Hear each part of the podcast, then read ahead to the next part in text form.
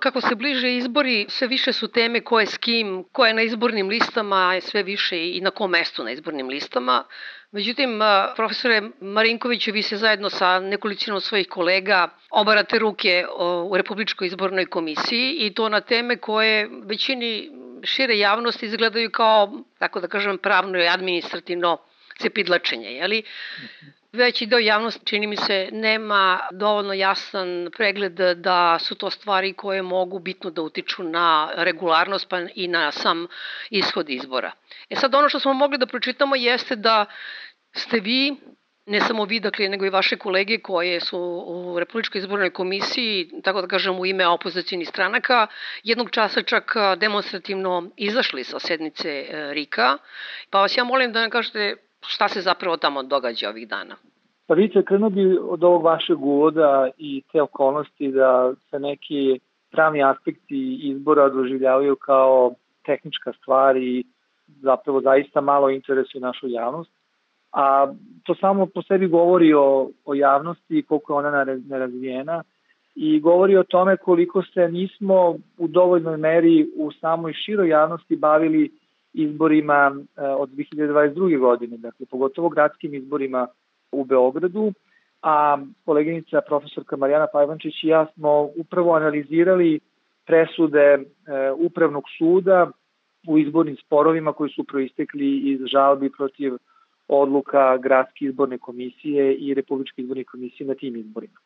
Konkretno, ja sam se baš bavio radom Gradske izborne komisije, posebstvom tih e, presuda Upravnog suda i ono što sam ustanovio jeste da je u 120 e, biračkih mesta od ukupno 1170 biračkih mesta u Beogradu, dakle na nešto otprilike 11 procenata biračkih mesta, da su postojali prigovori o radu biračkih odbora i da su ti prigovori nestajali na putu od biračkih odbora do izbornih komisija i da su povodom tih e, priloga koji su sadržali primetbe o nepravilnostima u radu e, biračkih odbora i nepravilnostima na samom, na samim biračkim mestima, da su stranke izjavljivale prigovore pred e, gradskom izbornom komisijom i da gradska izborna komisija se nije uopšte obazirala na tu okolnost da su ti prigovori nestajali, a takođe i upravni sud nije uopšte uzimao to za relevantno. Dakle, problem je već bio u tome što se mi zapravo nismo ni tada dovoljno informisali, e, niti i sada znamo zaista ko su bili pobednici tih izbora 2022. godine. Ta epizoda nam kazuje zapravo o dve vrste nepravilnosti koje su se ispoljile u radu naših e, organa u tom periodu i upravo te nepravilnosti smo moje kolege i ja pokušali da ispravimo e, da pokušamo dakle da unapredimo izborni proces e, ove 2023. godine. Pritom želim da naglasim da taj događaj o kome govorite, napuštanje sednice i stav koji smo na samoj sednici prethodno izneli, da se on odnosi na članove RIKA koji su izabrani na predlog svih opozicionih e, poslaničkih grupa u Narodnoj skupštini Republike Srbije, dakle ovoj koja sada odlazi. Dakle, govorimo o predstavnicima svih tih poslaničkih grupa, od onih koji se smatraju levi i proevropskim do onih desnih i, da kažem, suveren, suverenističkih. E, dakle, vraćam se na, na, na pouke iz 2022. godine. Postojele su, ponavljam, dve vrste nepravilnosti koje smo tada uočili.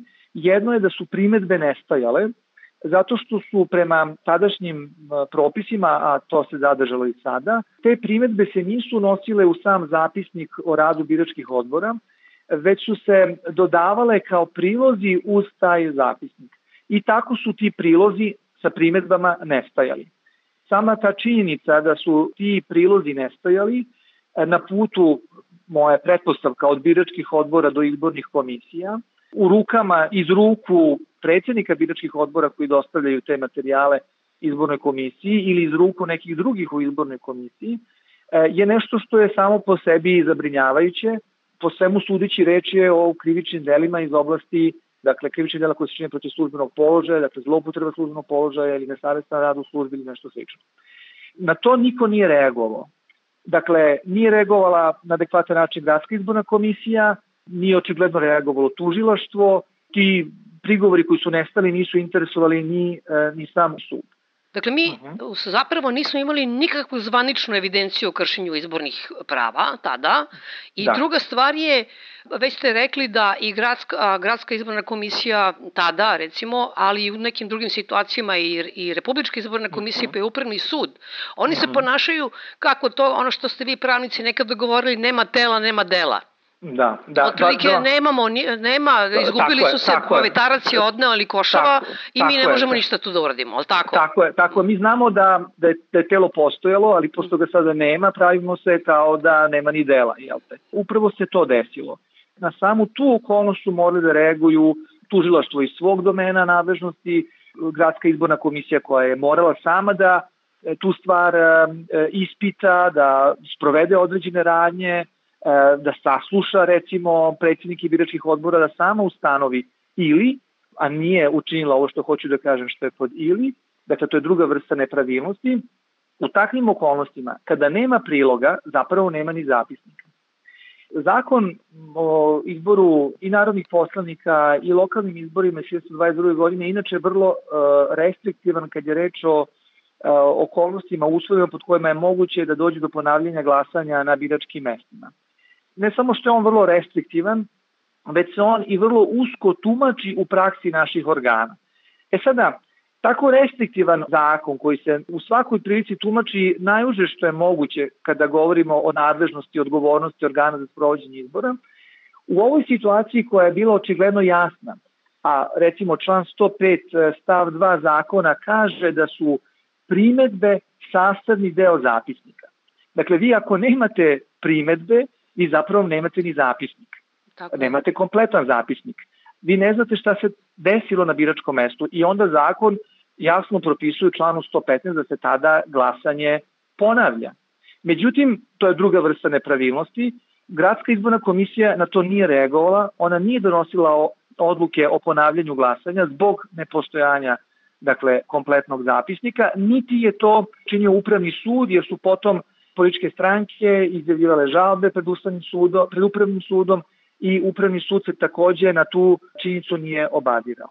E, da bismo sve to sada prevazišli, da ne bismo doveli sebe u istu situaciju, e, moje kolege i ja smo predložili da se učini nešto što je inače ranije rađeno, da se u sam obrazac e, zapisnika, dakle, dakle u sam zapisnik da se unesu primedbe, da se predvidi posebna rubrika sa primedbama u, koje, u koju bi se unosile dakle, te primetbe i na taj način bismo rešili ovaj potencijalni problem nema tela, nema dela, jel te? Dakle, da se to telo izgubi, da to telo nestane i da se svi pravimo kao da ono nije postojalo, a zapravo vidimo da je postojalo, jer taj zapisnik koji je uh, uredno popunjen i potpisan od uh, odgovarajućih članova biračkog odbora ima uh, pod tačkom 15 zaokruženo da, a tu stoji da li, je, da li su postojale primetbe i zaokruženo je da. Dakle, nesumnjivo su postojale primetbe u prilozima koji su nestali. Inače, ta norma koja je u zakonu vrlo jasna, da su primetbe sastavni deo priloga i ako hoćete taj zapisnički obrazac koji kaže da su prilozi sastavni deo zapisnika, ta odrba je takođe vrlo jasna i ona se ne bi morala menjati da praksa nije bila naopaka. Recimo, Evropski sud za ljudska prava kaže da nije, da nije dovoljno samo da zakon bude jasan. Neophodno je da postoji izvanična radnja koja je usklađena sa tim zakonom. Dakle, ako vi nemate e, na osnovu vrlo jasnog zakona praksu koja to e, sledi, onda vi imate povredu načela zakonitosti. Norma je po meni i pravnički je nesporno da je jasna, ali očigledno u praksi izaziva zabune i iz tog razloga je norma morala da se promeni tako da se uvede posebna rubrika, što inače nije ništa novo, što postoji u drugim sistemima i postole kod nas. Drugi pravni problem, Evropski sud ljudska prava takođe, takođe kaže da mora postojati delotvorno pravno sredstvo za zaštitu e, prava koja su proklamovana recimo Evropskom konvencijom, a ta prava su i pravo na slobodne izbore a to pravo je i garantovano našim pravnim poredkom članom 52 našeg ustava. E dakle, e, mi očigledno nismo imali delotvorno pravno sredstvo, jer da bi postalo delotvorno pravno sredstvo nije dovoljno samo da ono bude i na papiru, ono mora biti i efikasno, efektivno u praksi. A videli smo da i pored vrlo jasnih argumenta koje su e, političke stranke iznosile pred upravnim sudom, da sam upravni sud to nije uopšte uzimao u obzir, niti je na bilo koji način pridavao značaj toj okolnosti da su e, ti prilozi nestajali. Ovim što smo zadržali, Republička izborna komisija je prekršila zakon koji je dužan da poštuje na osnovu člana 24 zakona izborna narodnih poslanika jer je ona, ona je nadležna da se stara o zakonitosti izbora. Ona je prekršila Evropsku konvenciju zato što Evropska konvencija propisuje elemente kojima sam govorio i na kraju prekršila je i naš ustav jer i on garantuje takođe pravo na delotvorno pravno sredstvo povodom e, tih prava zajamčenih samim, samim ustavom. Eto vidite, iz tih razloga smo odlučili da napustimo sednicu jer smo smatrali da nije dovoljno samo da glasamo protiv i naravno prethodno jel te da u ponoć, jer ta, ta tačka, o toj tački je počelo se raspravlja u ponoć i rasprava je trajala do maltene dva sata ujutru i svi smo govorili, govorimo o ovim članima Rika izabranima na predloga opozicijnih političkih stranaka, i članovi i zamenici članova su govorili i zaista je bila vrlo kvalitetna diskusija sa te strane, međutim sa druge strane reakcije su bile krajnje neozbiljne s obzirom na ovaj stepen ozbiljnosti problema.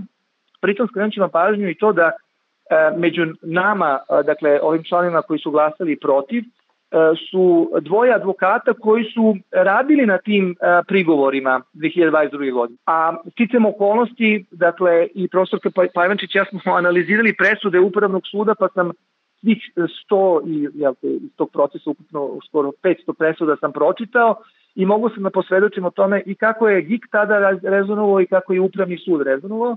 E, međutim, to većinu u Republičkoj izbornoj komisiji, mogu slobno kažem, nije interesovalo. Argumenti koji su se čuli na radnoj grupi ili na samoj sednici su nedostojni da uopšte budu pominjani. Recimo, ajde da kažem samo jedan koji je najslikovitiji, jedna članica Rika je rekla da bi, ako bi se dozvolilo članu biračkog odbora, koji je dakle u službenoj funkciji, koji je organ u, u datoj situaciji, da uzme zapisnik u ruke, da bi on tobože mogu da pocepa zapisnik. Što je naravno krivično delo. Nije sporno da mašta može svašta i da možemo sad da zamislimo da bi neko mogu da dođe da baci bombu na biračko mesto i da možda bi nekom palo na pamet da u bi bilo bolje da se ne otvaraju biračka mesta, pa mislim, pošto to može se desiti svuda u Srbiji, ajmo da zapravo i ne održimo izbore. Dakle, prosto rezon je bio na tom nivou. Šta, šta bi bilo kad bi bilo, a nasuprot tim zaista nebuloznim hipotezama, ili možda realnim, ali ako je to realno, očigledno da ni ti članovi RIKA ne veruju u rad tužilaštva koji bi tako nešto trebalo da ispita i u tome jeste veliki deo problema i na to signalizira i ODIR u svom izveštaju da drugi državni organi ne postupaju, jer nije RIK jedini, e, RIK ima posebnu ulogu, ali su i drugi državni organi iz svog kruga nadležnosti pozvani da postupaju i samo takvom jednom sinhronizovanom akcijom mi možemo doći recimo u ovom slučaju do slobodnih i jednakih izbora. Dakle, to je, e, raznorazne hipoteze su se iznosile, ali samo ono što se zaista desilo e, pre samo godinu i po dana nije uzeto u obzir. Eto, toliko odbiljnosti e, rezona s druge strane. Napomenuli ste da je otprilike na 11% biračkih mesta 2022. godine na beogradskim izborima u stvari su nestajali ti papiri na neki volšeban da. način, odnosno te primetbe. Koliko oni mogu, recimo, po vašoj proceni sada da utiču na izbore, pogotovo na, recimo, na Beograd, pošto u Beogradu postoji naravno indicije da opozicijne stranke imaju, tako da mhm. kažem, mnogo veće šanse na uspeh nego u nekim delovima južne i jugoistočne Srbije, da se zlopotrebi da. prosto ta, tako je. ta mogućnost. Ta, tako je, dakle sada možemo da spekulišemo ne bih ulazio u sve nijanse tih, tih e, spekulacija, zato što mislim da nije javno odgovorno, a i ne bih da dajem ideje, znate, e, u da, tom da. pogledu kako bi se mogao, kako bi se mogao da se povređuje taj izborni proces i krši izborna pravila. Ali ono što se već sada jasno ocrtava, i evo ta informacija koliko meni poznato jutro se izašla u javnost, po zakonu o lokalnim izborima su sada nadležni viši sudovi kao sudski organi koji ispituju odluke gradskih i opštinskih izbornih komisija, a ne upravni sud. On, je, on zadržava nadležnost u odnosu na Republičku izbornu komisiju, ali je sudski sporovi, izborni sporovi se po žalbama vode sada pred višim sudovima. Jutros je dakle, izašla u, u javnosti vest da je Viši sud u Beogradu formirao pet odeljenja od po troje sudija. Može se samo zaključiti da oni očekuju veliki priliv žalbi i ne bih ulazio u spekulacije o sastavu tih uh, veća, ali ja mislim da će se i tekako voditi sudski sporovi, izborni sporovi na ovim, nakon ovih izbora, možda pogotovo u Beogradu, i da će možda strategija biti da se osporavaju ona biračka mesta u kojima većina u gradskoj izbornoj komisiji može da donese odluku koju želi i da možda na osnovu vrlo restriktivnog e, zakona dopusti jel te, ponavljanje glasanja ili poništavanje glasanja i da potom eventualno piše sud da potvrdi takve odluke. I da dođe do sada ponavljanja glasanja i da se e, možda čak u nekoliko navrata na istim biračkim mestima ponavlja glasanje kao što je toga bilo i na a, republičkim izborima a, prošle godine. Dakle, e, čini se da postoji ta vrsta razmišljanja. Ja moram da kažem da kao profesor prava i kao neko ko zaista taj rad u Riku doživljava kako je on definisan zakonom, a e, Republička izborna komisija je određena kao zakonom kao e, nezavisan i samostalan organ. Ja sam predlagao ovo što mi se čini da je najrazumnije s obzirom na norme e, zakonske i više e, od zakona koje nas obavezuju s obzirom tu naopak u praksu prošle godine. Na koji način, način se to manifestovati i kako će ko to iskoristiti, dakle, to što se zadržalo na, što smo ostali na, na, na prethodnom rešenju, što se ništa nije promenilo, u ovom trutku možemo samo da spekulišemo, ali da će se voditi sporovi, mislim da je više nego jasno. Profesor Marinković, mnogo vam hvala na razgovoru. Nema na čemu, hvala i vama na pozivu.